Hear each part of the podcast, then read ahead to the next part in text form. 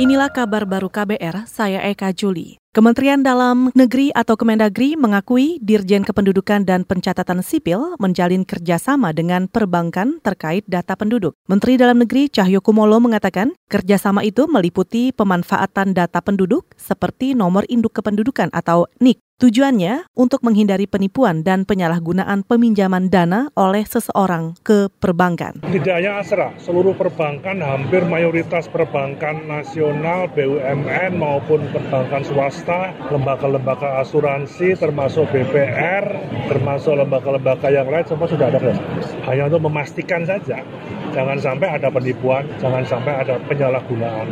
Walaupun kerjasama, dia mengakses data harus izin. Menteri Dalam Negeri Cahyo Kumolo menambahkan, kerjasama dilakukan dalam batas tertentu. Perbankan hanya bisa mengakses beberapa ratus NIK dalam sehari, kemudian menyamakan data yang diperoleh perbankan serta Dukcapil lewat laporan yang diawasi Dukcapil. Kemendagri mengklaim keamanan data penduduk tetap terjamin. Saudara Mabes Polri menyebut satu dari sembilan korban kerusuhan 21-23 Mei belum teridentifikasi. Juru bicara Mabes Polri, Asep Adi Saputra mengatakan, satu korban yang belum teridentifikasi itu adalah Reza. Penyebabnya minimnya informasi. Sedangkan delapan lainnya berada di tempat kejadian perkara dan diduga melakukan kekerasan atau menjadi bagian dari kerusuhan. Polri mengklaim informasi ini menguatkan laporan terkait terduga pelaku kerusuhan yang diserahkan kepada Komnas HAM. Bukti-bukti visual itu kita akan sampaikan kepada Komnas HAM. Sehingga begini, selama ini kita menggunakan diksi diduga sebagai perusuh. Sekali lagi kita menggunakan asas praduga tak bersalah ya. Dan kemudian ini sudah dikuatkan lagi dengan temuan-temuan visual tadi. Tapi bukan berarti demikian kita juga menghilangkan diksi kata diduga karena belum ada putusan dari peradilan kan dan apalagi yang bersangkutan juga sudah meninggal dunia. Juru bicara Mabes Polri Asep Adi Saputra menambahkan, Inspektorat Pengawasan Umum Polri juga sudah melakukan pendisiplinan anggotanya yang terlibat dalam kekerasan ketika kerusuhan 21-22 Mei lalu. Pendisiplinan itu berupa penempatan khusus selama 21 hari bagi personil BRIMOB. Hukuman itu tidak hanya berpengaruh pada saat ini saja, tapi juga memengaruhi karir mereka selanjutnya.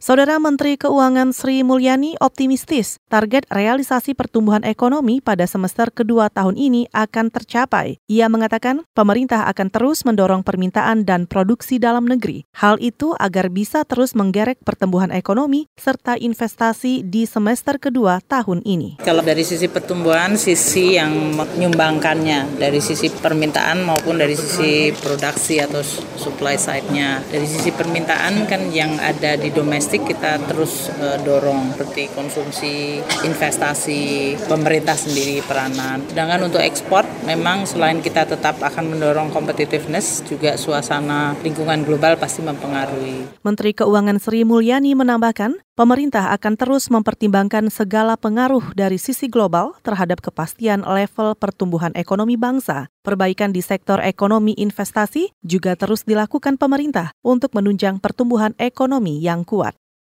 Saudara Badan Penanggulangan Bencana Daerah atau BPBD Kota Batu Malang menyebut kawasan lahan hutan yang terbakar di Gunung Panderman Batu sudah mencapai 25 hektar. Koordinator Tim Reaksi Cepat BPBD Kota Batu, Suhartono mengatakan, hingga kini tim gabungan masih terus berupaya memadamkan api secara konvensional di tiga titik area, yaitu di Parang Putih, Curah Banteng, dan Jalibar. Uh, saat ini yang masih belum terkondisikan yang ada di Jalibar itu yang agak masih agak besar kalau yang di puncak kebetulan eh, ini sudah teman-teman sudah turun bergeser membantu yang di Curah Banteng sama eh, Parang Putih. Pemadaman hari ini kita lakukan dengan cara manual. Jadi ada yang tadi yang di puncak itu dibuatkan sekat, kemudian ada yang pakai juga yang dikepiok, pakai kepiok. Ada yang... Koordinator Tim Reaksi Cepat BPBD Batu Malang, Jawa Timur, Suhartono menambahkan, upaya pemadaman api dilakukan secara manual dengan hanya memanfaatkan ranting-ranting. Kebakaran di Gunung Panderman terjadi kemarin malam. Belum diketahui apa penyebab kebakaran itu. Saudara, demikian kabar baru. Saya Eka Juli.